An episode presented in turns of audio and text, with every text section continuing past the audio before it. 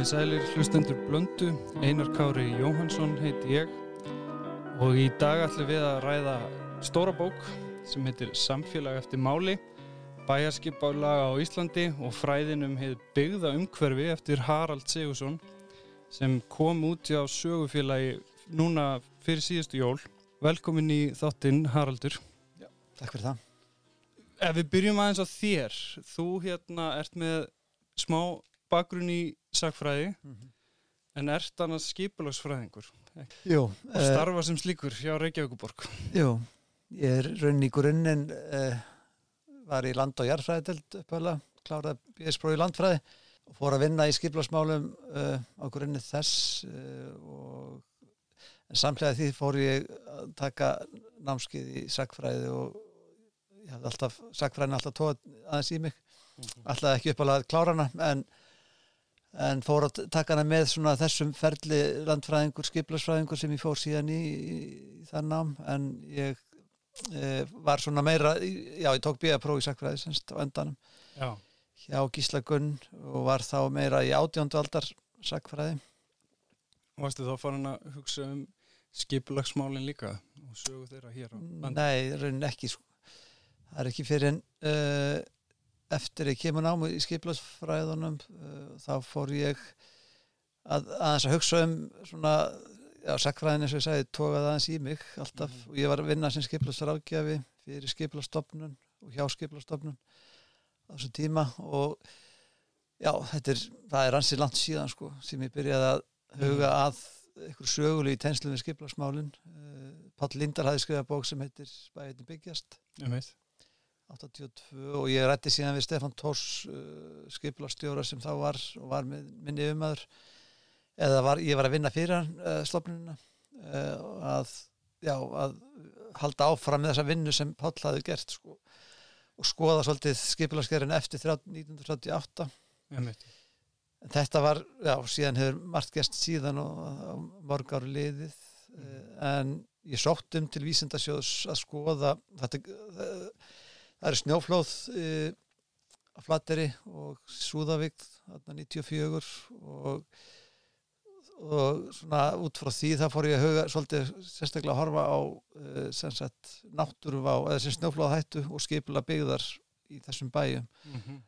og það var svona grunnurinn að minna umsók til vísindasjós ég, þannig að það er 96 kannski sem ég byrja 96-7 sem ég byrja að vinna út að einhverju rannsók sem tengist skiplasögunni Já, svo rætur þessara bókar eru, eru násóldi langt aftur.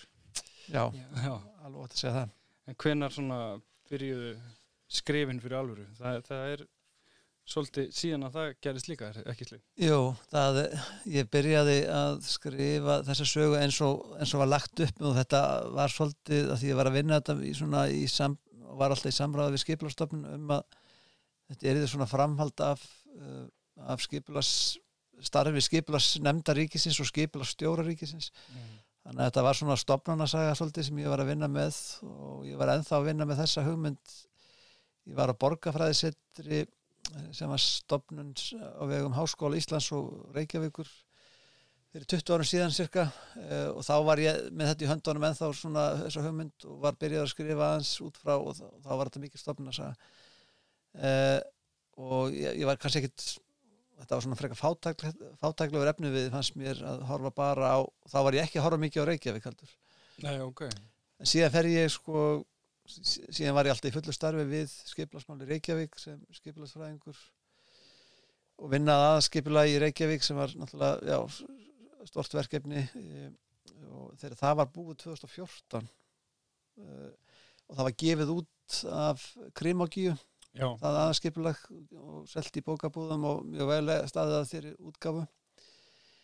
Þá, þá fer ég til Kristjáns með hugmyndum að skrifa bók, að taka þessa bóka hugmynd eða skrif og, og gera meira úr henni, ég var enda búin, í mildtíðin búin að fara til forlagsins eða ég uppi í Vaff þeir, þeir, þau voru með, búin að vera með þetta sínum útgáflist eitthvað tíman en skrifin þessari bók, þau hefðist kannski fyrir alvöru 2015 og, og, og, og fóluðinlega endur, endur skrif þannig að það er ekkit, það er ekkit efni sem er yngra sem er eldra heldur en 2015 rauninni, sem er, maður segja í þessari bók Nei. þetta er rauninni end, endur skrifað allt og mikið skorið niður líka af því að Mhm. bókin átti upphæðlega að fjalla um uh, já, ná lengra fram í 20. stöldin bókin er rauninni bara til 1970 Já, uh, svona sakfræðilega séð sko út frá heimildavinnu uh, auðvitað tegir hún sig í lokakaflinu tegja sig eh, alveg inn í okkar samtíma rauninni en svo var líka hugmyndin um að fara með að skrifa um skipula utan þéttbílis Mhm.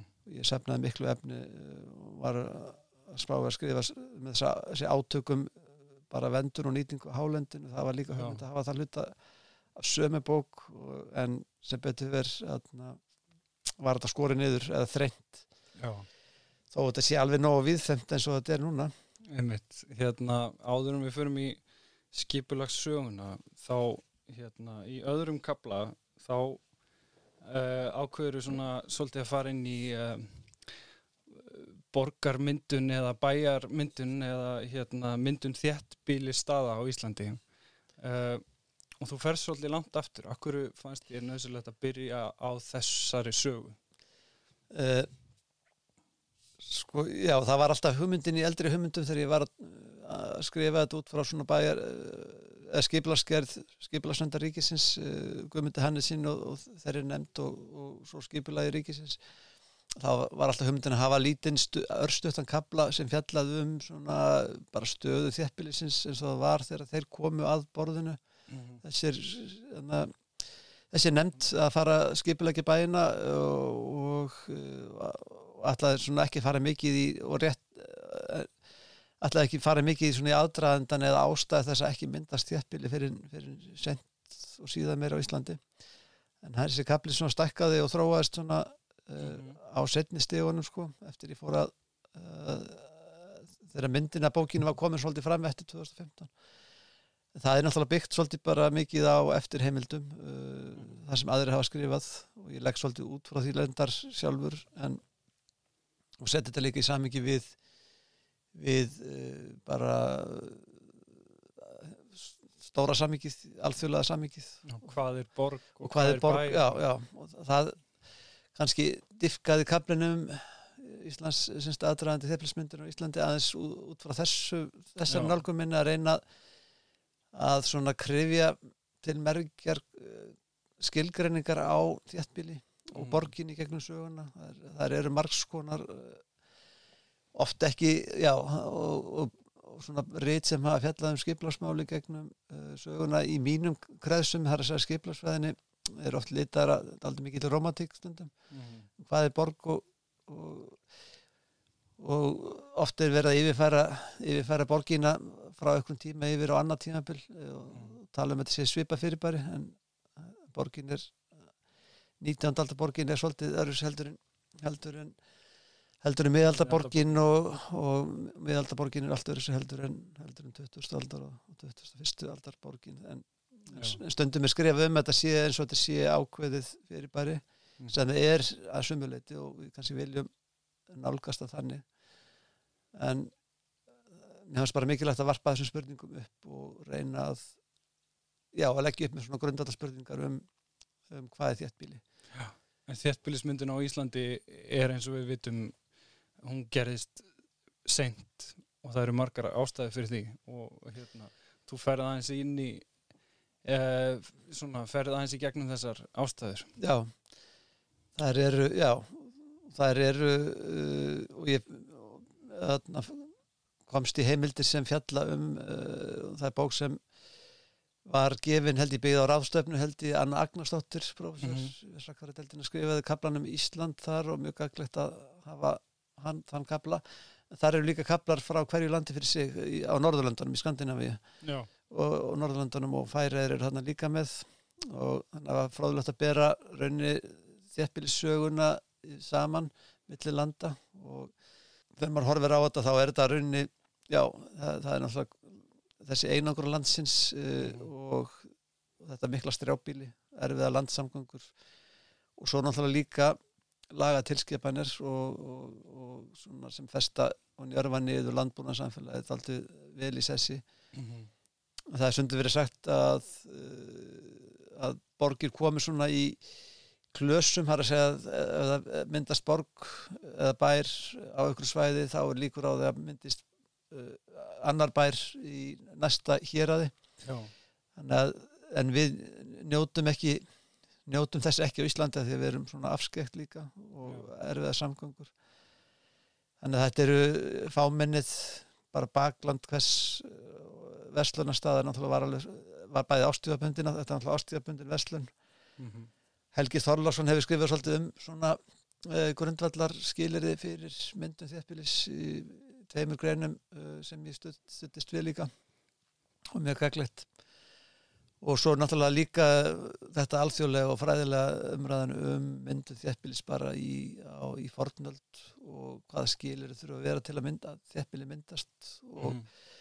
og hvað þurfa að vera til staði til að geta kalla þetta þjættbíli eh, hvort þetta sé bara eh, búið þjættar í landbúnarsamfélagi við þekkjum landbúnarþorpið eins og í Danmörku. eh, og, og víðar eh, að, að það er hvort að það er þjættbíli eða bara hluti af strjálbílinu Uh, og verkarskipting það er þess að fjölbreyttari verkarskipting og verslun er náttúrulega svona grunnskilir sem hérna, það sé ekki allir að vinna bara í frum framlöslu það sem við kallum landbúnaði eða sjáurð þess vegna er ég líka veld upp spurningum um hvort við get, getum kallað þessi já þéttbíli verbúðana sem mynduðust á miðöldum sko, hvort að við erum að kalla það þéttbíli staði eða, eða eða eitthvað annað. Þetta er, þannig að þetta er þarna, uh, það er ekki ná að fólk búið þétt saman okkur svæði. Nei. til að kallast bær eða bæja samfélag uh, það þarf eitthvað meira til. Nefnitt Hérna einn af mörgum kostum þessara bókar er að uh, þú ert ekki bara að segja uh, sögu skiplarsmála, þú ert líka að rekja hugmyndasögu. Og þín leið inn í þessa sögu er svolítið í gegnum hugmyndasögu. Í fyrsta kapla þá, þá erum við stödd á 19. öldinni. Og þú ert þá svolítið að fara inn í uh, sko aðstæðinar sem að um, skiplagsfræðin og þessi fræði um skiplag byggðar, byggðar verða til í. Mm -hmm. segð okkur aðeins sko hvað er að gerast annað 19. öldinni þegar þessi fræði verða til mm -hmm. og af hverju var leiðin inn í verki svolítið að fylgja fræðunum hvernig þau skila sér uh, til Íslands mm til dæmis Já. Já, þetta kannski uh, kemur út frá því maður fer að skoða náttúrulega þessar hugmyndastefnu sem eru innan skiplarsfræðina og arkitektur mótinisminu talað um og þetta er náttúrulega hugtug sem eru svolítið erfið að skilgreina og afmarka í tíma þau eru, mm -hmm. eru aldrei margaræð og líka rauninni þetta sögulega hugtak nútímin eh, sem er líka svolítið erfitt en, eh, en ég er að nálgast ég fer svolítið að krefja tilur skiplarsfræðina Já. til að skilja að það verður til ykkur mjög sterk fræði sem berast hrætt að melli landa í kringum aldamátu 1900 sem við kalla alþjóðli skiplarsfræði hinn alþjóðli skiplarsfræði og mótunismin kemur svona í, sem mótunismin í arkitektur kemur svona í framhaldina því og svona þessi nálgun að krifja þetta til merkjar og, og tilurðin og, og þessi kapli er þarna fremst í bókinni til að leiða þetta inn að, að grundvöldur okkar skiplas menningar og ég nefnaði það í bókinni hann er einlega í grunninn á þess byggir ennþá þessu, sam, þessu sem er, er rauninni að mótast þarna í kringum aldamóti 1900 Já. þó rætum það getur verið dýpri líka en, en þau sprettu upp þessi fræði Eh, skiplarsfræði sem viðbröð við ákveðin borgarþróun sem er á 19. aldinni mm -hmm.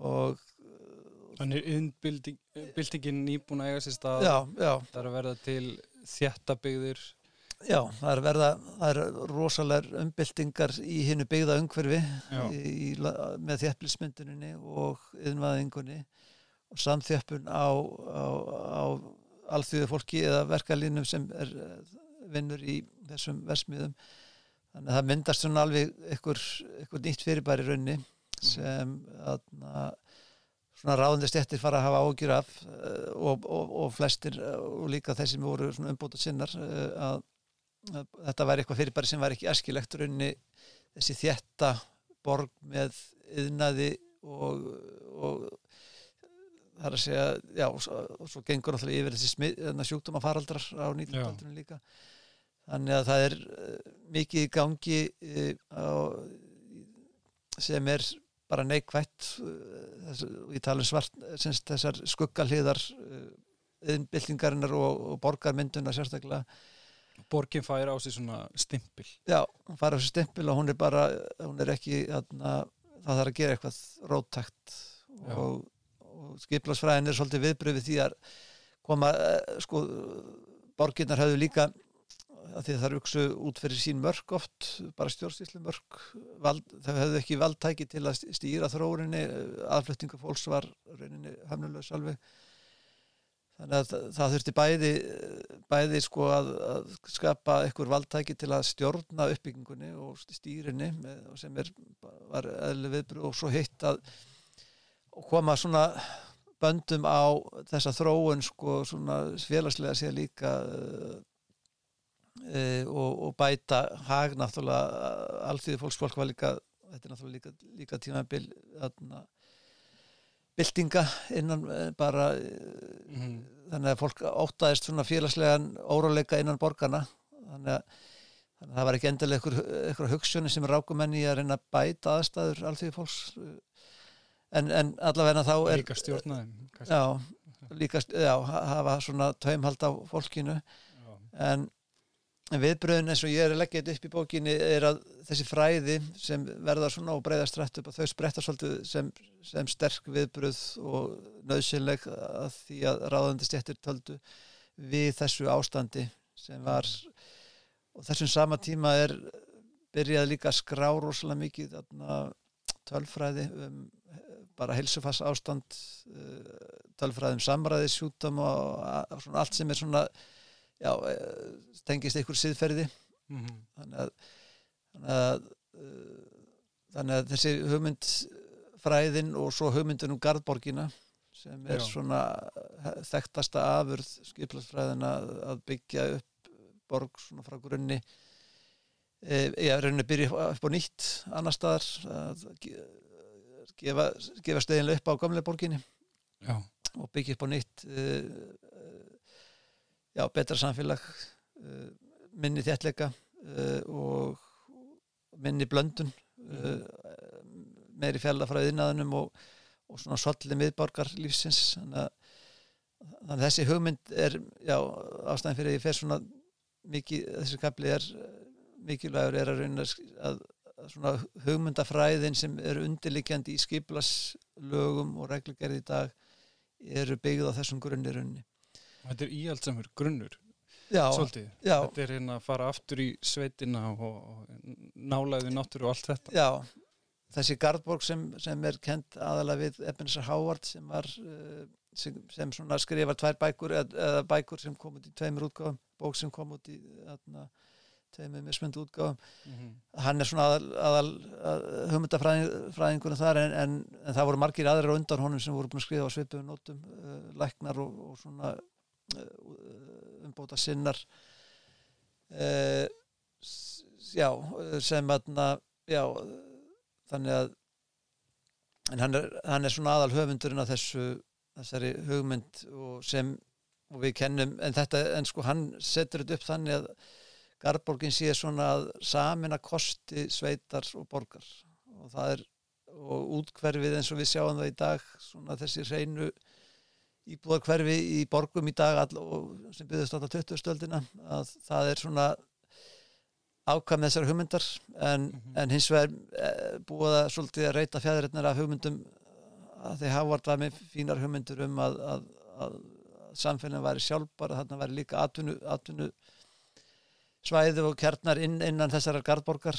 e, og að fólk átt ekki þurfa að ferðast langa vegalendur og þetta er náttúrulega tíma, fyrir tíma enga bilsins og þannig að hugmyndin hans er ekki, ekki alls ekki og það sem hefur eh, var byggt eftir hans hugmyndum og það eru, eru mjög það eru fínir bæjarhlutur og borgarhlutar sem mm -hmm. eru byggðar á þessu en, en svona ykta útgafan er þessi, þessi láræsta þetta láræsta útkverfi íbúðakverfi sem við sjáum hvarvetna og hefur haft sín áhrif á ferðavennjur þar sem með sínum, ef það er mjög lár þéttliki á byggðinu þá er ekki, ekki grundulli til að reyka góðar almenningssangur þannig að þannig ykta útgáfan þannig er svona tengingi við þetta. En, mm -hmm. en svona en það sem ég legg kannski meira áslý í bókin er einmitt það sem þú segir að, að ég er að tala um að skiplasfræðin og skiplasreglugerðin og, og lög og þetta að þetta sé í grunninn íhaldsamt fyrir bara rauninni til að halda upp í röð og reglu og, og, en ekki þarna svona romantist tæki til að skapa fagra og, og þarna, harmonískt samfélag heldur er þetta svona meira mm -hmm.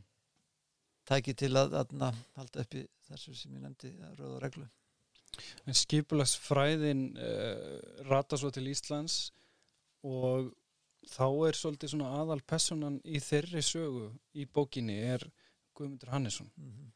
Getur þú sagt okkur aðeins frá honum og, og hvar hann kynntist þessum fræðum og hvað voru hans hugmyndir?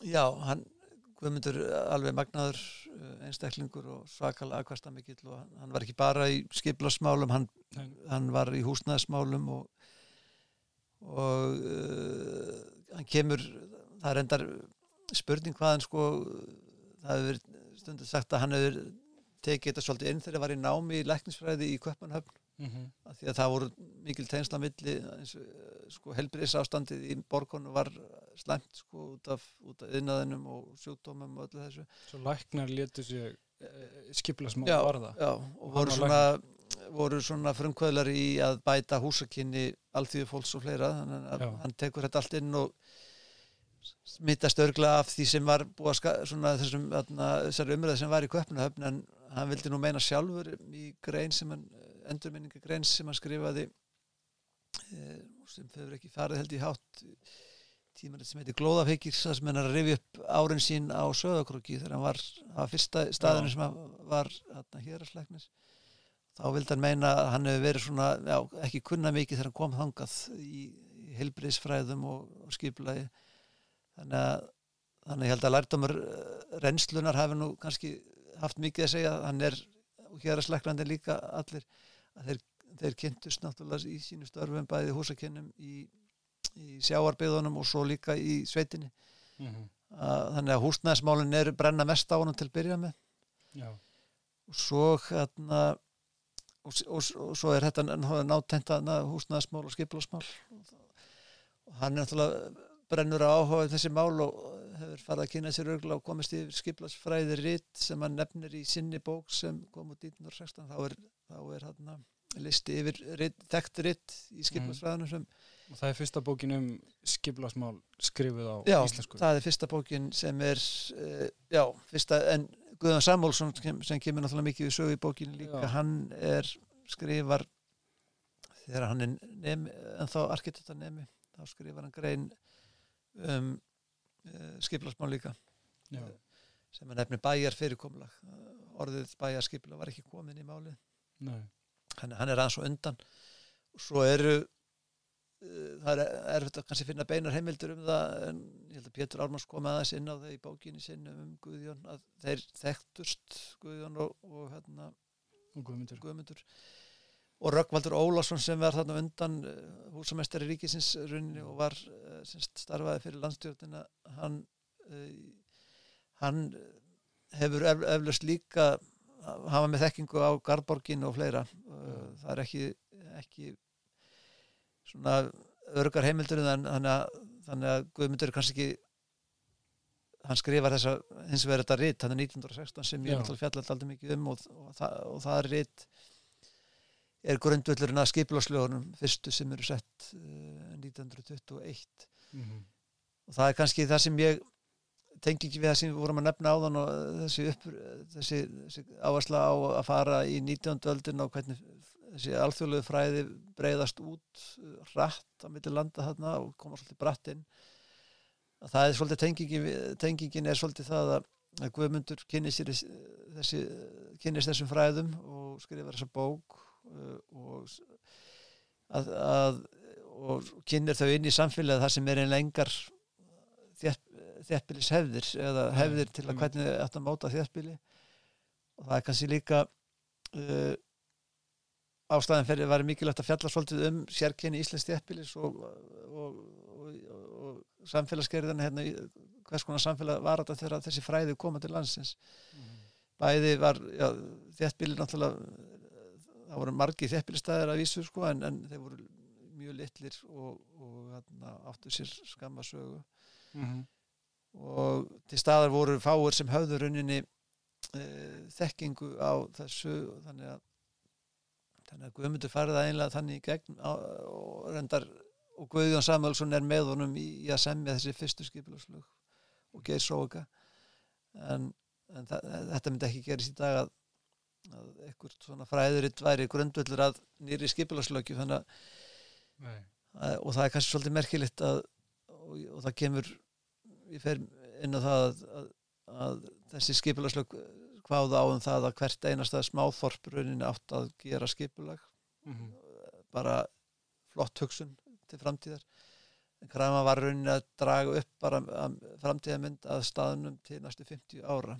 Og það er kannski eitthvað sem var ekki alveg raunsætt í þessum smerri stöðum í það minnsta eh, Nei. og hugmyndum eða tillögum þeirra var síðan lí, lítið fyllt eftir. En þetta er sérst uh, Guðmundur, Guðjón og, og Geir ferðast um landið og gera uppdrætti af Já, um, Sérst á grundvelli skiplaslagana þá var stopnuð uh, nefnd, uh, ríkiskipun nefnd þannig að ríkið uh, átti, það voru ekki sveitastjórnunar sem áttu vissulega að gera þetta í samráðu við hresnendur og, bæjarstjórnir. En þeir fengu þetta hlutverk að vinna tillögurnar rauninni að, að, að skipla fyrir alla þessa bæi, alla bæi sem voru yfir 500 íbúa. Mhm. Guðmundur vildi reyndar miða við 200 íbúa en, en það var ofan á að hafa þetta miða við 500 íbúa til að byrja með en lögin reyndar sögðu uh, að það ætti að ráða sjálfstæðan aðila þeir skipuðu nefndina sem átti að fara yfir upprættun og dæma þá Já. það átti að runna að vera uh, einn, það átti að vera sjálfstæður aðili sem var ráðinn af, af, uh, af ríkinu til að vinna uppdrættina í, og, og í, samstarfi við sveitafélögin en þetta endaði í allt í höndunum á nefndinni sjálfri þannig að hún var einlega dómar í eigin sök Já. og þetta er svona og það reyndi alveg á þetta það var löffræðingur, uh, ónefndur löffræðingur sem skrifaði bref á þess að nafngreina sig í, þegar það verið að gaggreina skipla Reykjavíkur að þá kemur fram gaggrin á þetta uh, að Páll Linda kemur inn, á þetta í sinni bók uh, að þeir eru ekki farið að lögum þetta, þetta var í lögleisa og þetta var á þenn tíma sem voru átökum það að klára að staðfesta og samþykja skipulagið sem var unni fyrir Reykjavík uh, 1927 Mhm. Og þeir voru með stórar hugmyndir, ég meina það voru gerðir hann frægir uppdrættir að til dæmis Bólungavík, það mátti bara uh, hvað var að segja, bara byggja yfir alla byðina eins og hún var Já. þá Já, en þetta uh, varð ekki það var ekki fyllt Nei. eftir þessum, þessum teknikum nei, það er einmitt uh, ég fer og það var reynda hluta minni rannsókn á sín tíma, það var einmitt að skoða og reyna, og reyna að gera svona fælega úttekta á því og rannsókna hvernig gekk að framfylgja þessum hugmyndum Mhm. þeirra, þessara nefndar og reyni uh, líka skipilagsríkisins sem kemur uh, tekur við og fylgir eftir þeirra starfi eftir 38 uh, og, og það er, já tilvöðna voru eins og fyrir Bólungavík þetta voru ekki beinlis raunhafar hugmyndir. Uh, þær voru við getum kallaði metnaða fullar en þær voru uh, hvergi í takti við eh, eh, á fæstu stöðunum voru það mikið í takti við raunveruleikan eða bólmagn mm. þessar samfélags og, og, og margir þessar staði voru náttúrulega bara framtíð þessar staði var mjög óviss uh, bæri eins og Sveiðisfjörður hann var já, búin að toppa í mann íbúafjölda á þessum tíma. Mm en, en, en þarna var náttúrulega að vera að hugsa til 50 ára. Þannig að það var þetta raukst í að þú þurftir að hugsa stort og, og, og metnaði fullt þegar þú ert að gera skipla til næstu 50 ára. En trúin var svo að það væri rauninni, já hægt að fylgja svona hugmynd eftir bara uh, og sína staðfestu í öllum, öllum útgáf allra byggingalega en, en það er svona molnar undir þessu held ég tildulast nefna -hmm. heimamenn og restendinnar og bæðastjórnar sem voru að, voru ekki alltaf sammála þessu sko, það heyrðist heimildir gefa svo sem ekki mikið til kynna, það hefði verið mikil anstæða, það var ágættið samstar held ég. En, en ég held að vantrúin á vantrúin hafi kannski alveg verið til staðar lúrtan undir hjá, hjá mörgum bæjarfélugum sérst, mm -hmm. í mörgum bæjum og þorpum og ekki fundist þar alveg að öllu leiti raunhafar Já, en þetta var var þetta ekki svolítið sérstakt á heimsvísu að, að fara um og skipulegja smáþorp með þessum hætti? Jú, ég, ég held að það sé óvægt að segja það. Ég kem aðeins inn á þetta uh, og, uh, þetta vakti aðdán uh, það er svo sem ekki margar heimildir en það var komin að norskur skiplagsfrömmur sem var sem var í forsvari fyrir alþjóðlegt öflutt alþjóðlegt skiplagsfræðingafélag sem hafi verið stopnað upp úr aldamótonum og hann kemur hinga til lands og hann dáir staði hvað við erum að gera metnaðan fullt skipulag mm -hmm. og gera það alveg fyrir smestu uh, bæi uh, og þorp uh, og sanga tónum þá já, og það sem ég hef lesið til annar staðar uh, svona í alþjóðlega skiplagsöguna þá, þá var ekki verið mikið að að leggja sér eftir því að, að draga upp svona framtíðaskipula fyrir smerri bæi. En, en, en fyrir hrattvaksandi bæi var náttúrulega mikilvægt að, að koma skipulaði nýra á blað. En þannig að starriðin skipti kannski ekki öllu máli eða, fjöld, sem stýpu á fjöldin en, en það var ekki farið í svona áttak að gera, gera þetta bara 1, 2 og 3 fyrir nánast all, alla bæi landsins eins og var Já, gert hér eða var reynd hér og af sömu mönnum. Og af sömu mönnum. Og báslega öflugum einstaklingum sem var borin mikil verðing fyrir og já. andmælin við andmælin hafa kannski já, menn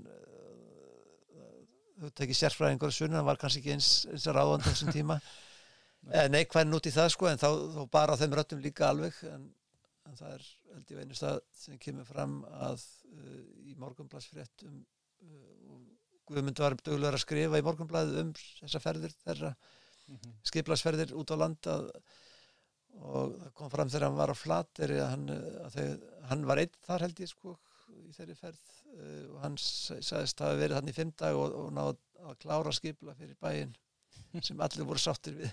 Já. þannig að það tók ekki lengri tíma það. Þeir eru líka uh, með svona að íta nútímanum inn í þessi byggðalög uh, þeir voru ekkit endilega hrifnir af torfhúsum til dæmis og, og hérna, þarna voru koma timburhús og svo eftir 1915 meira steipan og svona svo þeir voru líka breytaði hvernig fólk bjó Já, jú, það var nú kannski þarna, torfhúsin voru það var svo sem byrjaði að skrifa þau út úr, úr mm. þjættbylinu áður og Ísafærði held ég fyrst á 19. aldinni og timburhúsin voru raunni, hafa litið á timburhúsin líka sem óvaranlega húsagerð uh, og brunin í Reykjavík 1915 og síðan á Akureyri nokkrum árum fyrr stórbrunna þar að þetta ítti undir ítti undir þessu hugsun að, að það væri, já, timbrið væri ekki varanlegt uh, byggingarefni, það voru um sömur sem heldur því á lofti að, að vildu skýra það út að, við varum að byggja allt og léluðu timbri. Þetta var kannski ekki, ekki vandast að timbri sem óttu að verið að nota. Mm -hmm. en uh, þetta það, það er náttúrulega eina ástæðan fyrir því og rökin sem voru, var beitt í setningu skipulaslæðana að, að, þurft, að þyrsti að festa niður skipulag og skapa festu í þróum bæjana þegar vort farin að byggja steinstift hús. Uh, af því að það var litið á, það var auðvelt að reyða torfhúsu úr vegi eða timburhúsi mm -hmm. eða einhverjum bábornum, hýpulum alltíðufóls, en þeir vart farin að byggja öll hús steinstift þá þyrftur að vera með og svo líka varanlega gatnagerð uh, og veitulagnir og allt þetta sem er að koma á þessum tíma í byrjun 20. aldar að það ítti undir meiri festu og þá svona þá þyrfti að vera með svona uh, já, lögbundna áallunum hvernig þú ætlar að byggja upp. En mm. það er alltaf alveg að og ég velti því svolítið upp með Reykjavík að því að Reykjavík náttúrulega byggðist það var ekkit lögbundi skipula í Reykjavík fyrir 1966 um, þannig að það er alltaf veltað upp sko hvað, hva, og ég spyr ykkur staðar varpa þeirri spurningu fram hvað komist við lengi af að þess að draga upp svona lögbundi skipulag eða draga í svona held, heldrand skipulag á uppdrátt þurfum við að því að Reykjavíkurunni eh, byggðist upp með ákvörðunum byggingarnemdar mm -hmm. alveg frá 1879 og, og byggðin sem byggðin innan ringbrötar eins og við köllum hana innan Reykjavíkur og hún, hún verður smá sem að er svona já, byggist upp bara hús fyrir hús, götu fyrir götu Og það eru þannig einhverju sem að reyna að ná einhverju stjórn á þessu til dæmis verkfræðingarnir og borgastjórnir Knút Simsen og Jón Þorlaksson og svona þeir eru aðeins að reyna Jú, jú, það var, það var náttúrulega unni með e, bara út af þessum stórfrangvandum eh, sem mm. voru í gangi að þessi verklega þekking e, þannig að það var mikið að gerast í Reykjavík á fyrsta áratöðun 20. aldar áður en áður en að skiplaslögin eru sett sko, og Já. það er dreyð upp Sigur Tórótsson dró upp veitukerfi mhm. -huh. upp á uppdrætti og, og gatnarskiparinn það þurfti að draga náttúrulega upp gatnarskiparinn á sama tíma þannig að það var einhvern út Simsen hann náttúrulega var og ég nefni hann aldrei mikið í bókinni uh -huh. að, að hans hugmyndir og hann byrjar að draga upp eh, segir sagan sko, og hann segir það í sinni uh, bókinni sem fjallaðum hann uh, þarna úr, úr bæi borg uh, að þá sagt segir og þess kemur endar fram í málkarblæðinu líka að hann hefði dreyið upp hugmyndina hringbrut inn á bara Já. landakort með blíjandi og, og síðan náttúrulega eru stórar ákvarðinir sem eru teknar smátt og smátt og þá náttúrulega þurfti þarfti að, að draga upp þannig að þetta er svona, við getum alveg kallað þetta bútasöm mm. einhverju leiti en, en Skipulega Reykjavík já, já, innar ringbröytar svona framan að sko uh, og ég, kaplinn heitir bútasömur mm. Knut Simsen uh, og það er svona og það er svona meiri skilningur í dag á, á þeirri nálgun í skipulagi eða þú ert líka með eitthvað smá svona almenna uh, heldarsinn sem þú byggir út frá og ringbrötar hugmyndin en það var svona stór hugmynd sem var og, og, og festa niður tjarnargarðin mm -hmm. festa niður landsbítalan, festa niður Reykjavíkur þetta eru svo stóra ákvarðin sem eru teknar og svo púslaru hinnu svona í kringum þessa heldarmynd og, og byggingarnemndin tekur ákvarðinir e, þó að sé ekki mikið skjálfest um þetta en þá eru, er byggingarnemndin e, snemma á 2000-stöldinu farin að taka ákvarðinir út frá einhverju heldarsýn sem var ekki endilega búið að festa nýra á blað en var svona í kollinum á, á fólki og kannski aðalega Knút Simsen Já, einmitt. En e, þó að í bókinni sem mikið fjalla um hérna, bæi og bæjarskipulag þá er kannski svona aðal personan um, Reykjavík og skipulag hennar. Uh, hérna en eftir þessa tilvunir þá kemur tímabil mótinismans í svona setna meir uh, í Reykjavík. Og að færa okkur aðeins tanga þá fyrir fólk að hugsa lengra út fyrir uh, eh, ringbröðuna en það er það eru samt ekki komin lög. Nei, Nei einmitt uh, það gerist rauninni, já það gerist bara snemma á fjörða áratögnum mm -hmm. uh, og mótinismin og funksjónalismin í hérna, byggingalist kemur rauninni mjög snemma til Íslands með þessum bara nýjútskruðum arkitektum þessum tíma. En Einar Sveinsson arkitekt sem er uh, já, svona áhrifamesti uh, arkitektin út frá skipilagi Reykjavík myndi ég segja mm -hmm. hann er ráðan til bæjarnis 34 já. og hann fær það hlutverk rauninni uh, svolítið lagt upp með að hann eigi að draga klára heldaskipla þá var, var heldaskiplaðið uppnámið þetta skipla sem var rauninni 27 mm -hmm. og sem bærin, Reykjavík bær og ríki deldum að, að klára og að hann er reynilega fengið til að að klára, klára heldarskipla fyrir bæin en hans aðalverkefni verður reyni strax út af bara húsnæðarstörfinni og því að þá er, fer, hann, fer hann líka í öfnum höndum að bæja að tekna skóla og ofnbæra byggingar og svo líka að draga upp fyrstu íbúða hverfin sem eru utan ringbröðar mm -hmm. og það og hann byggir það mjög hann já, sinni sína á hvernig ég byggja upp og, og, og þetta er einlega ég myndi segja að hans íbúða hverfi sér svolítið blanda af svona, þetta er mótunísk hverfi mm.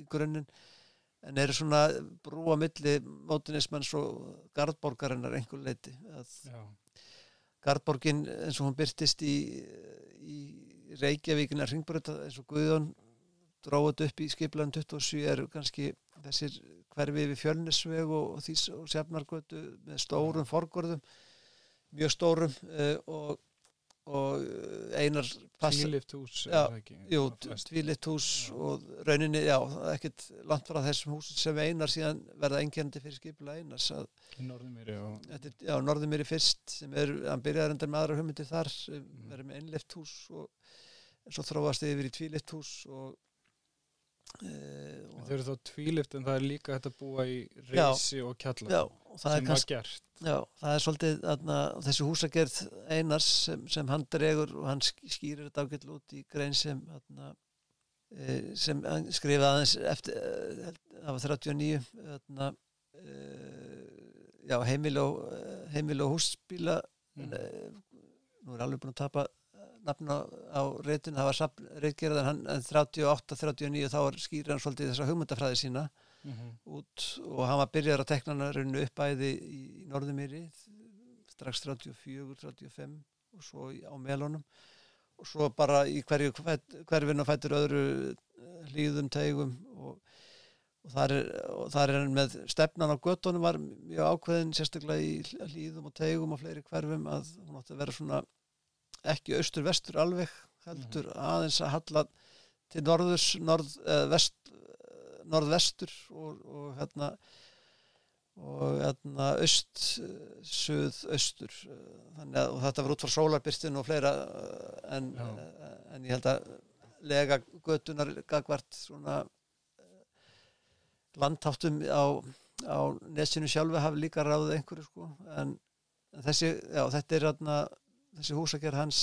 er, þetta, síðan, þetta var kallað tvíbilisvillur mm -hmm og þeir uh, arkitektar sem hafa fjallað um þessu hús uh, og meðal annars danski arkitektir sem kom að skiplaðin á sjönda árutug hann talaði um að þetta væri alveg sér sérstök húsagerð sem væri bara sér reikviskur okay.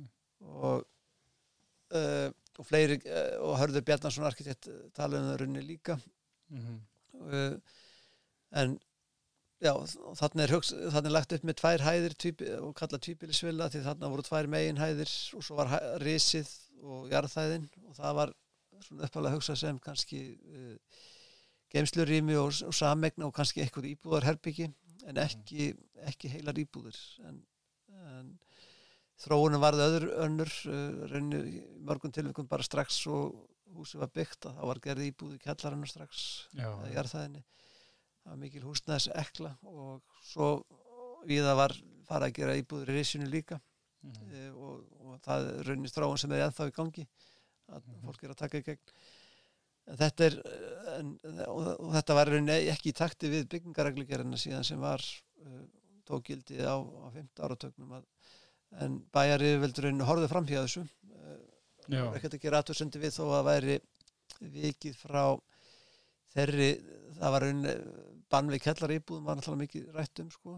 en, en það var ekkit það var ekkit gengið eftir og hort fram hjá þessu uh, sínd ákveð umbörlendi þessu út frá húsnaðis ástandinu mm -hmm. og rauninni og, þetta er rauninni alltaf merkilegt í, í það nýleg rannsókn sem heitir félagslegt landslægi Reykjavík mm -hmm. eftir Kolbjörn Stemarsson og það sem er fjallar um, um svona teikjuskiptingu eftir hverfum í Reykjavík í dag að og einn skýringin sem ég skusti dætti og ég held að nefna sjálfur líka er að það er brettin í, í, í hérna, íbúa gerðunum í þessum hverfum mm -hmm. er mhm. rosalega mikil þannig að tekju bilið er mjög vitt í þessum hverfum í vesturlundaborgarinnar blöndu byggð já mjög blöndu byggð þannig að þú getur, þú getur og það er mikið frambóða íbúar herbyggjum líka í þessum já. hverfum og svo er það að nýta bilskúruna líka og, en, en áður náttúrulega litlar reysi íbúður kannski 40 fermetra íbúður undir, undir súð, það er ekkit svona hendar ungu fólki kannski til að byrja með en Já. svo getur það flytnir á hæðina sem er 130 fermetrar og allt í sama húsinu þannig að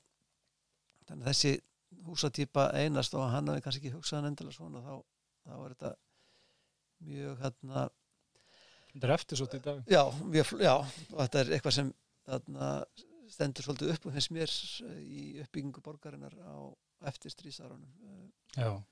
En ef við förum í hérna hugmyndasögun aftur, við erum búin að ræða um þessar hugmyndir sem að mótuðu frumkvöðla skipulagsfræðana en, en hérna þessi mótunistar eru að koma heim oftast úr námi erlendis frá með hugmyndir eh, frá mönnum eins og Le Corbusier og svona sem er mikið fjallað um í bókinu líka. já.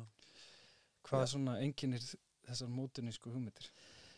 Það er, já, það er svona fjallað um það í svona sérkabla, ítarkabla um Mm. lögkópsér og, og, og þessa, þessa rætur mótinismans uh, og þennan, þennan hámótinisma sem við getum kallað, íkta mótinisma og það voru mjög öflug samtök, mótiniskar arkitekta, alþjóðlega samtök sem eh, voru stopnuð á þriði áratögnum og, og og, og hittust á rástöfnum og fundum uh, á svona árunum þar á eftir og 1933 er, er drei, gerð svona stefni yfirlýsing Mm -hmm. á vegum samtakana sem er kend við Já. sildu frá Marseille til Aþenu þessu hópur og voru á leiðin að, að fjalla um framtíðarborgina Mhm.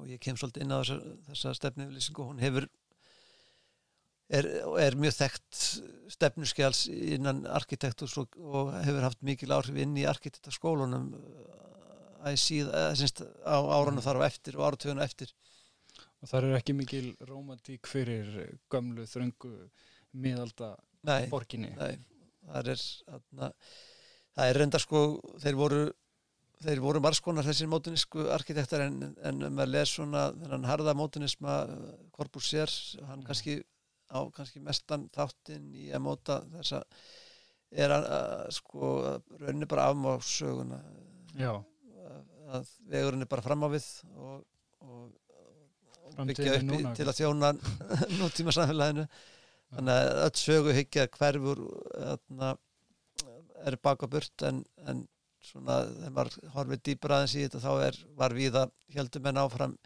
það sem voru ríkar borgarhefðir eða bæjarhefðir eða þjæpilishefðir að þar, þar var haldið áfram að byggja inn í, inn í sögulegt umhverfi og gert ágætlega eins og í Hollandi og víðar held ég uh, Mhm. en það sem varst að byrja já, en Corpus er náttúrulega svona eh, og hans hugmyndir eru teknað við stertinn og, og það er líka þessi uh, aðgreining uh, þessi funksjónalismi rauninni sem er undirleikjandi að, að íbúa byggðin á að vera algjörlega aðskilin frá atvinnustarfseminni. Og svo þannig að þetta er, þetta er heimili vinna og frístundir. Þetta er svona Mhm. eitthvað þrískipting. Og svo ofan að þetta í þessari yfirlýsingu frá 33 er náttúrulega samgöngu kerfið sjálft. Mhm. og enga bílinn er þá komin og er, er framtíða tækið þannig að þetta kemur já, er, skapast svona mjög hérna, ákveðin hugmyndafræði sem eh, já, gengur vel að selja rauninni strax uh, víða og bæði út frá fagufræðinu og öllu því sko en líka út frá, út frá því eh, að mæta húsnæðarstörfum og að þjóna rauninni þessu framtíðar faratæki engabílnum. Já. Þannig að þetta helst mjög vel í hendur rýmis þarfir engabílsins og þessi áhersla og svo náttúrulega áherslan á, á byrtu og að loftleiki um allar hliðar byggingarrauninni þetta er, þetta er það, og stakstaði bygging talað um Mhm. þetta er náttúrulega já, sterkasta enginni mótunismans er kannski þetta stakstaða háisi sem er Já. náttúrulega þetta tengja við korpusið en marga aðra náttúrulega en þetta er algjör andhverfa þessara borgar sem ég var að nefna á sem skiplarsvæðin Garðaborgunum. já, já, já, já, nei, við getum alveg sagt sko, sko mótinismi korpusið hefur verið kallað hinn lóðurætta garðbók þetta er ekki, þau halda svolítið í hendur en, en, en kannski aðalega andhverfa þessarar eh, klassísku borgar 19. aldar Þröngu borgar. með blandaðri byggð og þröngu inngörðum þar sem sólar nöyta ekki og liðlega loftræsting og, og sjúdómarnir eh, og, eh, og, og faraldarnir sem gengu yfir á 19. öldinni og það var þetta þröngbíli og, og skortur á hreinlætis aðstöðu og rennandi vatn og allt þetta að þetta er svona ykta það var ekki, Garborgin var kannski fyrstu viðbröð með þessu, að fara bara og byggja upp á nýtt, en svo kemur mótinismin sem er líka viðbröð nummer tvö kannski við þessari þéttu 19. aldarborg Og það kemur fram í bókinni sem að mér fannst merkilegt vegna þess að narratífan sem að er haldið að manni er einhvern veginn svo að Reykjavík er eins og hún er vegna engabílsins en, en þetta er þróun sem var hafin áður en að engabílin nemur alvöru svona, nemur land hér fyrir alvöru. Já. þessi gistna já. borg. Já, það er já, það er svona, svona en ykta útgafana af gistnuborginu, hún verður til eftir engabílin kemur en, en ég, ég er svona svolítið og það er svona já, narrativ en ég kannski þessum bókmynda, bókmyndum skiplarsfræðinni gegnum árun og sem er, er oft leitað náttúrulega af einhverjum svona einhverjum báðskap eða pretikunum um, mm -hmm. um hérna betri borga eða eitthvað slíkt. Þá er, já, það er svolítið oft hoppað bynt á, á þessa tekníu um engabílin að hann hafi skapað skapað uh, þessa dreifðu uh, lárestu borgrunni en mm -hmm en það er hægt að fara bæði, það er raunint að fara aftur fyrir Garðborgina til að svona leita og það er kapli sem er hérna snemmi í bókinni sem heitir hinn náttúrulega heimkynni mannsins. Að, og það tengist rauninni bara uh, þessari sögulegu aðna, aðna, uh, anstöðu við þétt borgin og þéttbílið að og þú þarfst að komast út úr henni uh, bæði út af náttúrulega sjútum og hættun og öllum því sko en en að, að, að leita aftur til sveitarinnar uh, mm -hmm. og mhm. þessi útkverfi uh, lárast útkverfi þegar voru fann að rýsa markvist upp alveg í byrjun 19. aldar rauninni sömstæðar og þetta náttúrulega var uh, efnaða fólkið og, og samgöngutækin sem voru þá voru bara hestvagnar til að mhm. byrja og svo koma spóravagnadregnir af hestum og, og, og svo kolla koll og svo náttúrulega kemur náttúrulega jafnbrotalestin svona miða 19. öldin eða eitthvað ráði þannig að, þannig að engabillin er kemur svona í framhaldin af röð samgöngubóta mm -hmm. og út frá þessari hugmyndafræði um hvað væri heilsusamlega umhverfi fyrir mannin að þú ættir að reyna að, að byggja ekki á þétt og allt þetta og, Svo það er ploss fyrir engabílin þegar hann mætir Já, já sömuleiti sko, já, sömuleiti sko Uh, en það var ekki pláss uh, fyrir hann í miðborgunum. Og það er náttúrulega verða mestu áreistarnir og, og þar koma náttúrulega ráttakastu hugmyndinu niður út af engabílum fram. Mm. þetta skapur pláss í, í, í miðbæjunum og miðborgunum. Og þú ferð út í þannig hugmyndir uh, sem kom upp hérna í, í Reykjavík. Það átti að gera ansi ráttaka breytingar á, á miðborginni. Já, það er voru þar, já, þar kannski helst alveg hendur rauninni sko, þessi hugsunum að þú að miðbærin, að það var ekki sómi að miðbænum eins og hann var með lárustum þarna, húsum mikið til eh, og hýpilum alltíði fólks viða inn á milli.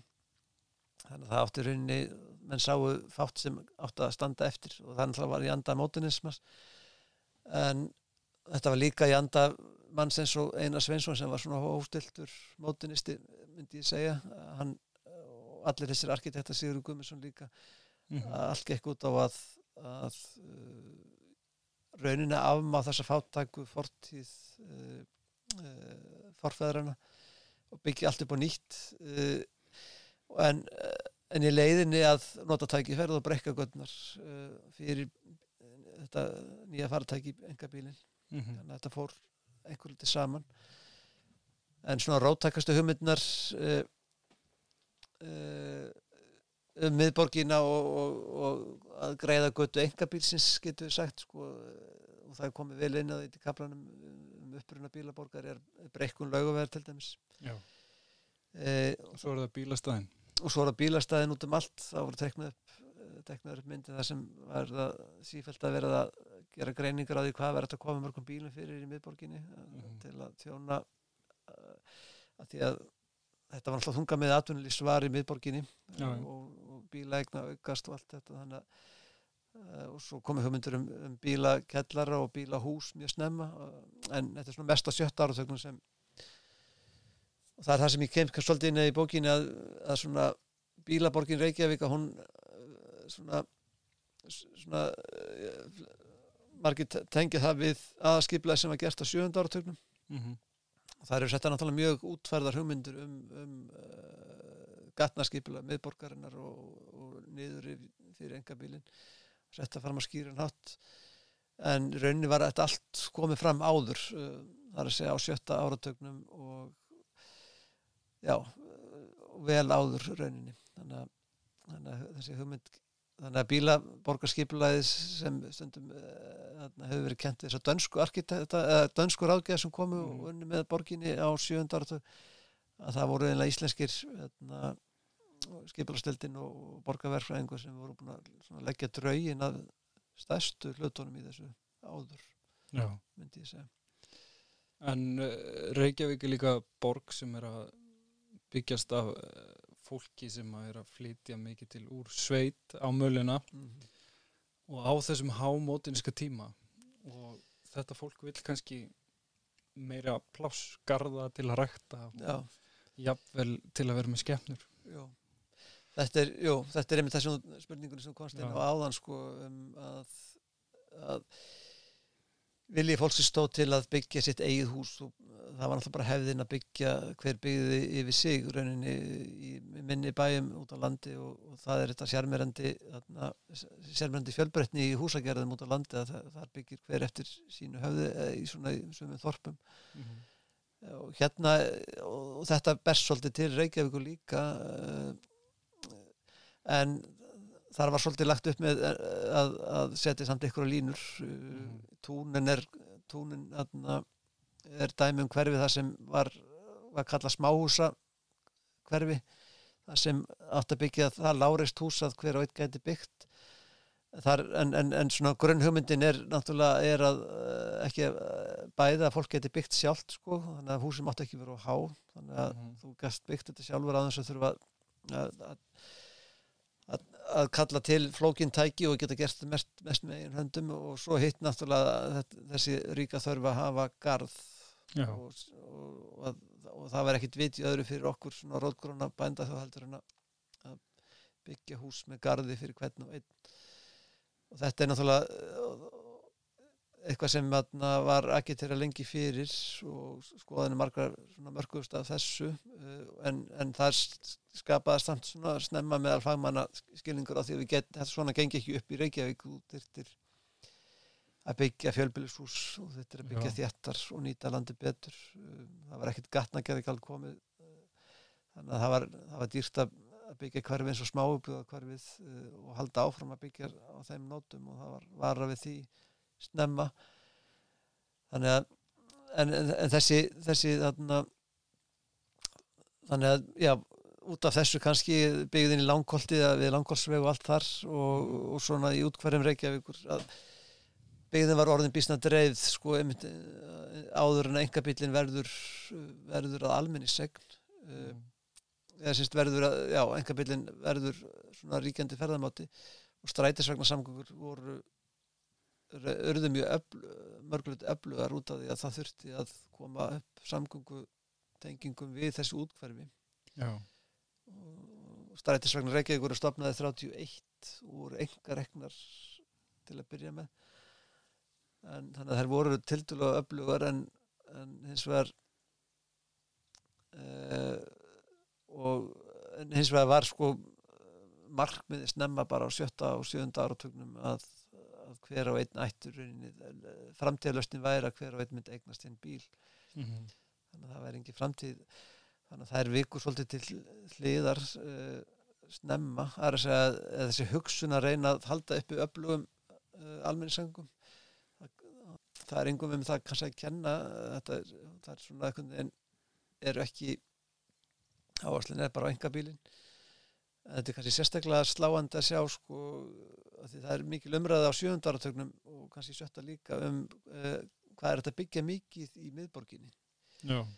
og greiningar sem voru gerðar á sjöunda áratug gengur út á það að, að þú geti byggt eins mikið eins og, eins og að væri þetta byggja af, eins og umferðarkerfi myndi anna fyrir engabílin Já.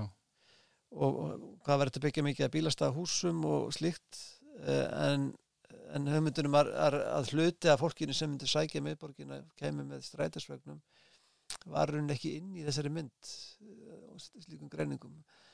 Þannig að byggingamagnið inn í miðborginni var mingað ekki út af uh, tilliti til byggðurinn sem var fyrir eða eitthvað slíkt heldur raunni út frá því að, að umferða kerfin sem áttist þó að stóra ebla með hraðbröttum breyta grettiskötu og alveg amnasti og inn, í, inn á tungötu í hraðbrött að, að slikt kerfi var talið nöðsilegt en það var samt uh, já, gera það verkum að, að menn tempruðu svolítið uh, byggingamægnið í miðborgina því að, að, því að þetta framtíðar skatnakerfi gæti ekki annað Nei. nægilega vel hraðvirkri að þetta er mjög ykt, ykt, yktar áherslu sem er í þessu skipulagi það er skilinlegt að, að þessi að fólk tengi þessa bílaborg og bílaborgar hvernig bílaborgin Reykjavík fæðist við þetta skipulag á að þessu myndir eru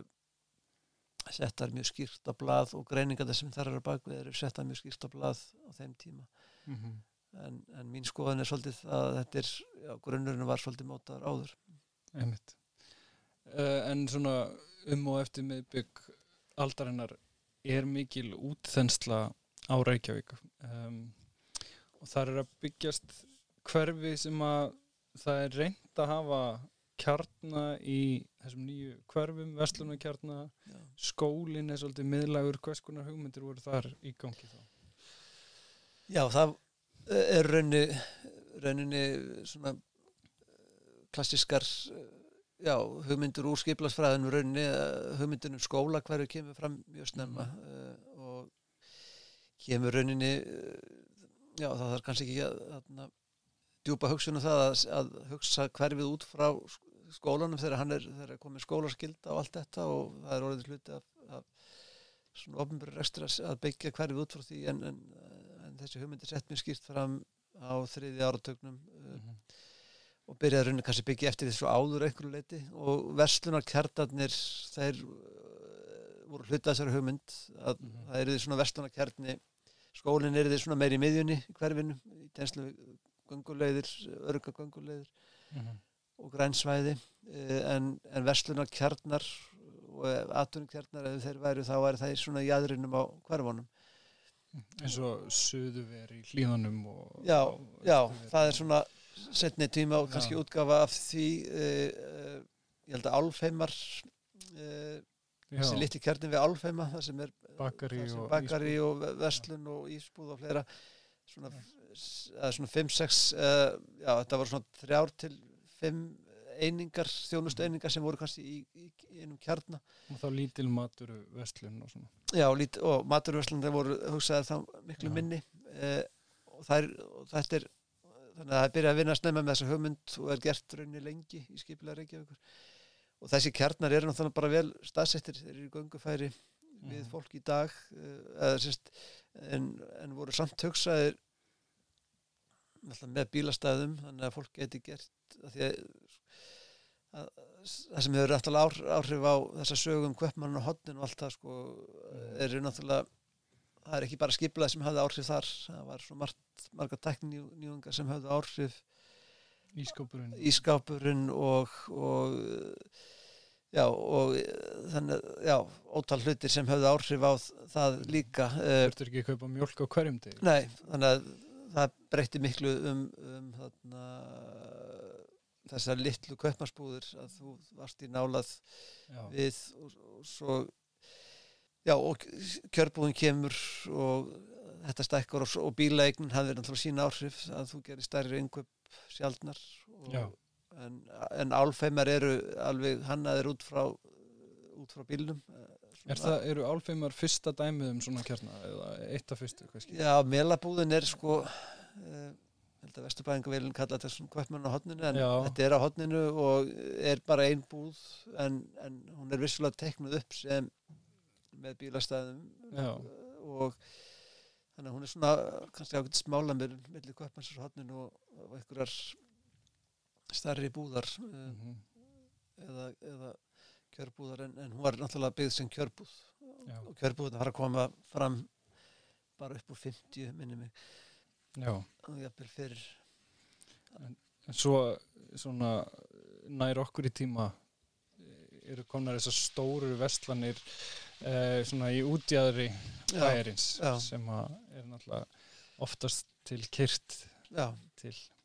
Það er náttúrulega, já, það er svona stóra stökkið að byrja náttúrulega rauninni strax 1970 með haugköp upp, úr- Já. upp úr 70 með haugköpum í, í þarna, skeifinni og glæsibær og svo versluna miðstöður eins og glæsibær sem, sem er svo sem annars eðlis en, en síðan já, síðan ekst þetta bara eftir á næstu áratugum eftir e, og menn fara alltaf í stærri og stærri einingar og Já. korputorkið kannski svona yktast dæmið um svona eitthvað big box dæmi en nú er þetta aftur að skreppa saman sem betur fyrr og ég veit að þessi stóru aðeila sem er að reyka lágur veslanar þeir hugsa í smerri einingum þeir hafa líka verið að minka sínar mm búðir eru En komnar við- en aftur inn í hverfi eins og skipolti já þeir eru aðeins svona. Aðeins þannig að, að þannig að sko já það eru konar minni búðir eh, við Hallvegastíg og Skipolt og, og víðar uh, aftur. Þannig að vonandi þó að kaupmaðurinn og hodninu verði kannski aldrei endur vakni ekki alveg. Nei, en hérna þú er búin að nefna nokkur sinnum aðalskipulagið eh, 1962 til 83 þetta er, þetta er svona stóra mómentið í, í skipulagsögu Reykjavíkuborgar já, hvað hérna hvernig eru svona e, draugin að þessu að þetta sé að þetta skipulagi er gert og, og hver eru áhrifin? Það sko já þetta ástæðin svona þetta sprettur svolítið upp í kringu 59-60 sem fer að ræða um þörfina fyrir uh, sko það náttúrulega var eins og við nefndum held ég hérna áðan að það var aldrei klárað lögformið skipula fyrir Reykjavík sko. Það tókst ekki Nei. 1927 síðan lendið í deilum átökum við ríkið sem var eiginlega alveg, alveg til 46 og þá fer ríkið og borga og bærin að vinna saman svolítið í stofna samanunum uh, og það er gerða svona allugur að því að búa til heldarskipulag. En það tekst aldrei og þetta er erfitt út af uh, miðbænum meðal annars og, og minnlutin í Reykjavík sem var nú kannski ekki heyrist ekkit rosalega mikið inn í, í, í skipulagsmálunum en þeir gaggritu þó að það vantaði svolítið heldarsýnina og, en, en þetta raunin mörguleiti slapp þetta til hverfin, íbúða hverfin voru byggð á landi borgarinnar og allt þetta en, en þannig að það voru svona já, margar tillögur um að fara í eitthvað átak og svo gerist það loksins þarna upp á 1960 og, það, og kannski einn aðal kvatin að þessu var uh, og skipulagstjórn ríkisins kom svolítið og kvatti til þessa skipulags og það, það var þessi þjeppilisróun sem var byrjuð í Kópa og við náttúrulega upp úr eða sent á 15 áratug og svo í Garðabæ svo var náttúrulega sjálftéttanessi og, og Hafnarfjörði var svolítið sér kannski en, en, en heldarskipula fyrir höfðbókarsvæði var rauninni fyrsta verkefni sem byrjaði þessu átaki, þessu skipulagsverkefni sem endaði í aðaskiplaðinu á sjöndartu, það byrjar allt sem svæðiskipla rauninni og, og þessi dönskur ágjöfur er kallaði rauninni til til að vinna heldarskipulag og það voru nokkuð verkefni sem voru skilgrönd skipulegja ný íbúða hverju fyrir Reykjavík sem er Breiðholt og Árbær og, og svo skipula miðbæðarins og svo, svo svæði skipula höfbókarsvæðinu. Þetta ekkert veginn þróast vinna fyrir stað og, og ráðgefinir settir í fleiri verkefni þessi dönsku og, og íslenski ráðgefa kallaðarinn og þetta og á þessum tíma var náttúrulega voru skipulagslögin ennþá uh, úrrelt rauninni. Þau Já. henduð ekki Reykjavík uh, og á sama tíma og samlega þessu var verið að endurskoða skipulagslögin.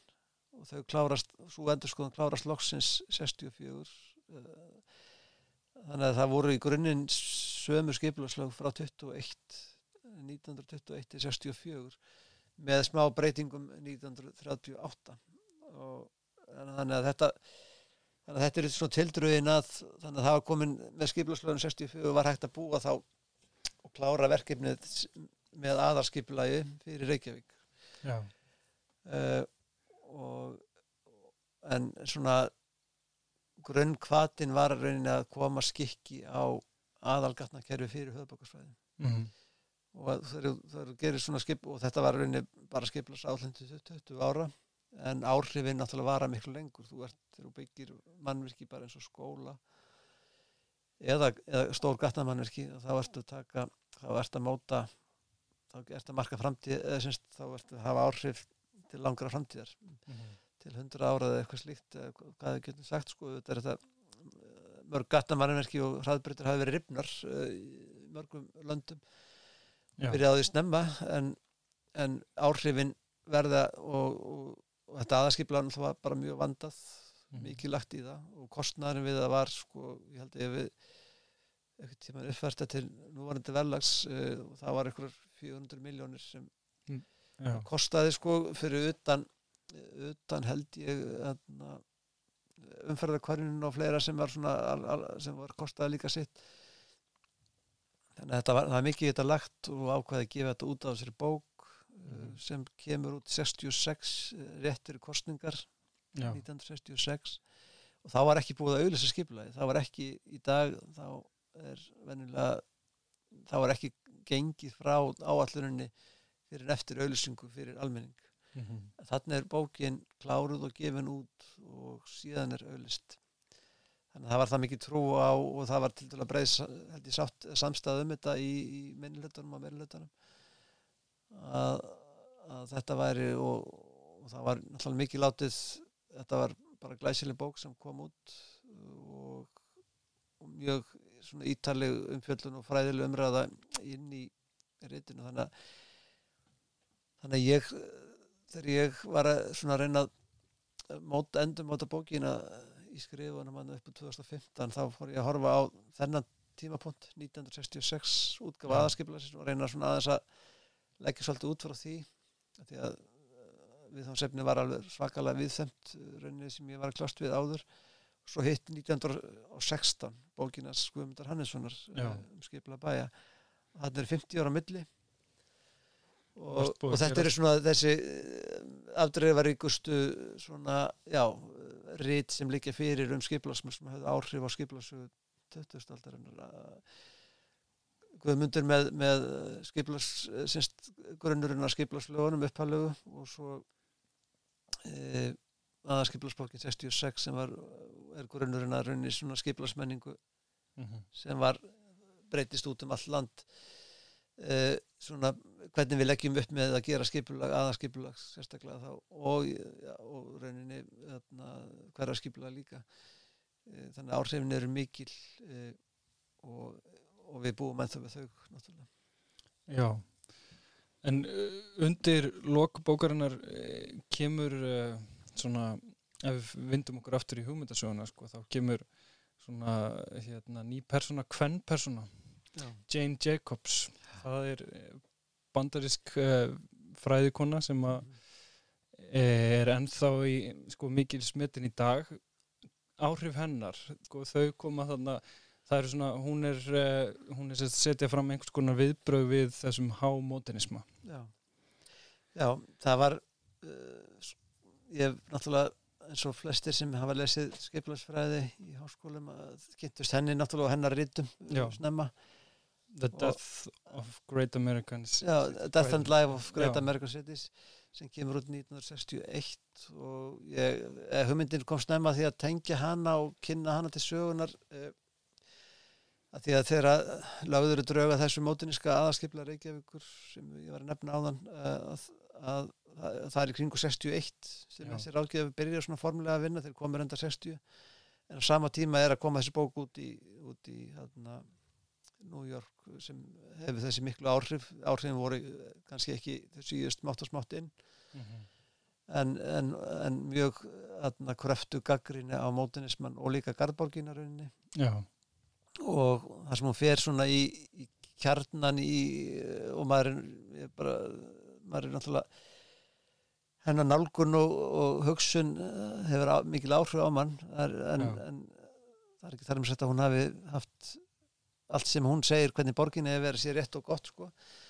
Í dag, við þurfum að passa okkur á því líka að að vera ekki gaggrinn að vera ekki gaggrinn á hana það sem hún segir sko. Mhm. en, en, en það sem ég hugsaði sko uh, og er mikilvægt að þetta er og ég, það kemur líka fram í tillinum á bókinni samfélag eftir máli og tengingin við smásögu Söfu Jakobs eldus eftir máli. Einmitt. Að þetta er svona stórkallaleg saga. Uh, þegar maður horfir svona já, vítt á þróun nútímavæðingu 20. aldarinnar í hennu byggða umhverfi og það eru kallpersonur út um allt þarna þannig að, þannig að mér fannst tilvæglega að, að setja hana svolítið á stall þarna Mhm. akkurat á þessum stað í bókinni og ég kem líka inn á hana ég nefni þess að þrjá vendipunta í ingangin var að segja 1916 með Guðmundi Hannesinni og svo aðaskiplaði 66 og svo 61 sem er bókin hennar Mhm. sem kemur út 61 þannig að það var atna, þannig að hún kemur mér nýja sína borgina uh, og þetta voru fleiri að skrifa uh, svona svipaleiti og eftir henni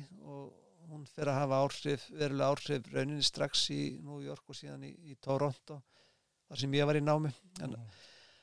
uh, þannig að já, nálaði með hana var kannski aldrei mikilvægt því ég var í námi þar uh, hún bjóð í sama hverfi og ég þannig, að, þannig að það getur vel verið að hún ópinn áhrifin voru einhvern veginn kannski meiri fyrir vikið Já.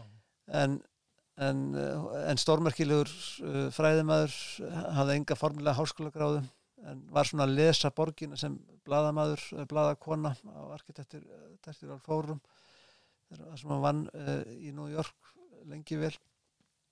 Og hún sér borgin, bókina, nei, borgina ekki á uppdrætti heldur sem gangandi vegfærandi og það er kannski þessi nálgun sem við viljum hafa á borgina að reyna að sérfræði þekkingin sem er til grundvallar og þessi velrænu mótel sem var unni með verkfræðingarnar og arkitektunir sem hún er að gaggrina líka að, hún, að við þurfum að nálgast borgin og sérstaklega hverfiskiplaði með því að, að horfa meira á þetta staðbundna og söguna náttúrulega.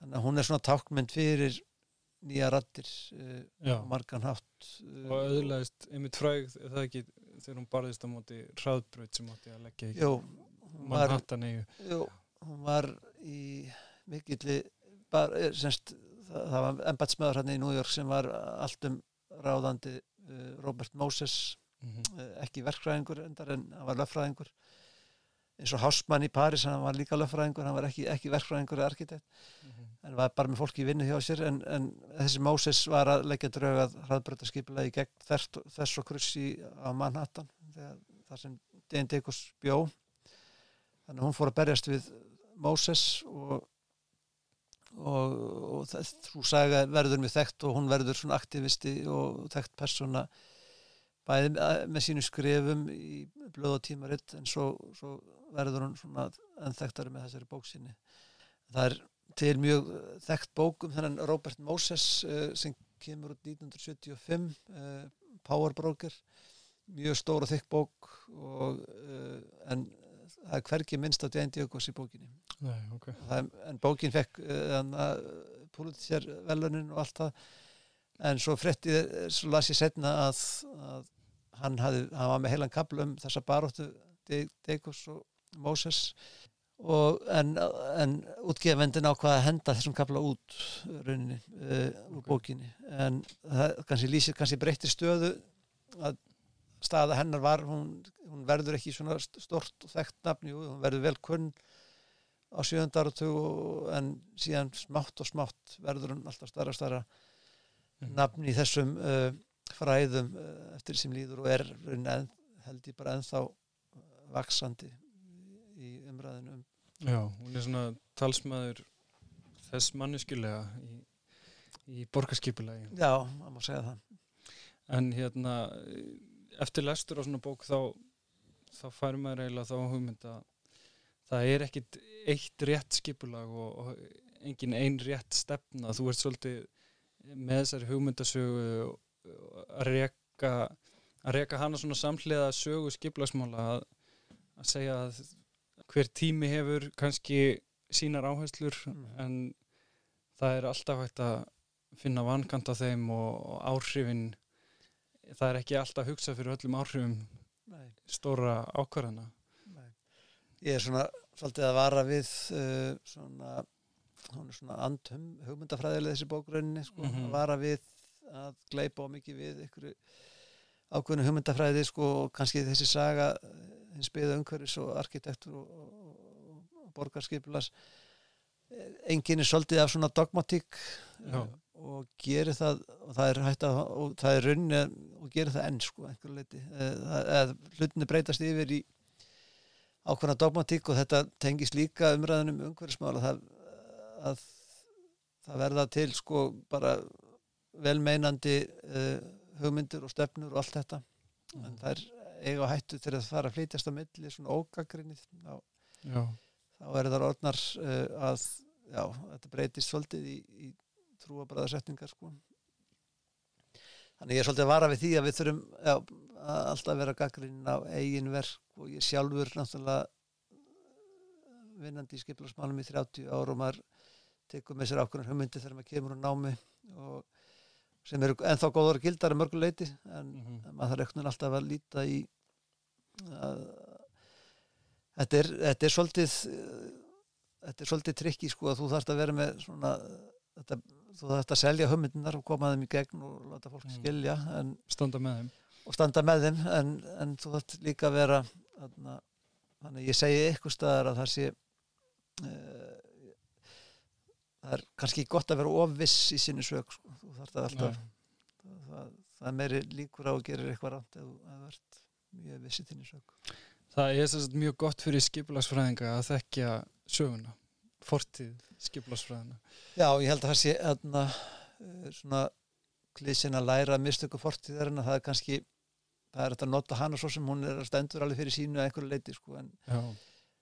en þú ætti ekki, ekki að læra af einstökum skipla smiðstökum sem byrtast einhvern veginn í okkar umhverju í dag. Þú lærir af frekar því hvernig, þú, hvernig fólk hegðaði sér eða hvernig, hvernig fólk trúur á hlutina. Mm. þannig þú ert rauninni, er, er þetta rauninni bara að segja að við þurfum alltaf að að gleyma aldrei að hugsa. Já, hérna sko þú hættir þannig um 1970 ætlar við að halda áfram með þessa sögu eða ætlar að fela öðrum að taka við í restin uh, Ég er svona frekar frá hverju því að halda áfram. Já. Ég ákvaði að klippa svolítið sko ástæðan fyrir klifti 1970 var svolítið út af því að þetta var bara orðið sko heimildirnar verða alltaf meir, meir um skjöli sem þarf að fara í gegnum til að ná utanum söguna. Það verður alltaf erfiðar og erfiðar sem næri dregur í tíma. Þannig að þú getur ekki fjallað um langt tímabil e, sko, það þurfti ykkur að skrifa það bara um áttundar og tvinn sko, eða eitthvað slíkt. Já, og ég vildi heldur ekki fara inn á svona mér skott að enda þarna þegar ég var að reyna að þrengva alltaf eins og fara fram með 80 en, svo er náttúrulega minn tími. Ég er búin að vera aðna í skiplarsmálum síðan í kringu 1990 mm -hmm. og og ég vildi heldur ekki fara inn á þann tíma uh, en, en hins vegar eru náttúrulega mjög sterkar tengingar yfir í okkar samtíma. Sömu átakapunktar Það eru sömu átakapunktar þannig að það eru það er átökin um, um hérna, þjættu borg eða þjættingu byggður í dag hún er svona endurumur af átökum sveita og, og bæjarmenningar uh, á 19. öldinni eða þjættilismenningar uh, þannig að þessi sömu átöku eru halda áfram en, uh, en ég held ekki sko, ég held ég muni ekki uh, ég held að mér sko held ég næst að skrifa stittir í bók Já, en þetta er þess að hérna, það eru margir átakapunktar í þessari bók sem verður að lesum en uh, svo eru skipilagsmálin eitthvað svo frábær leið til að ná utanum nútímavæðingu samfélags eins og Íslands. Já, og hugmynda átökin sem eiga sér stað á slíkum tím Já, ég held að það sé einmitt aðna uh, eh, það sem er svona fann betur þegar maður var að skrifa þessa bók að að lesa sér gegnum sko hugmyndir fólks um framtíðina mm -hmm. uh, það er og, og skiplasáallinir eru svolítið að byrta það er uh, eru skiplasáallin hvers tíma að endur um eitthvað sem er í gangi svona djúblagt í samfélagsþróuninni oftast en, en, en það er ef þú ætlar að reyna og það er kannski, hefur ekkert verið vinsalt að vera að skrifa svona eitthvað stórsögur uh, í undanfarn áratvíðurinni en, en ef þú ætlar að gera það þá er held ég gott að gera það út frá út frá hugmyndafræði skiplásmálun uh, og hugmyndum um, um framtíðina sem byrtast í skiplarsáallunum og, og, og á, svona, já, á, á formum um, um uppbyggingu borga. Algjörlega. Uh, við segjum þetta gott hér í blöndu og þetta er stórum mikil bók og glæsilegur hönnunagripur. Takk kærlega fyrir spjallið Haraldur og við ykkur hlustendur segi takk fyrir að hlusta því getið nálgast eldri þætti blöndu á hlaðvarp sveitum. Takk fyrir.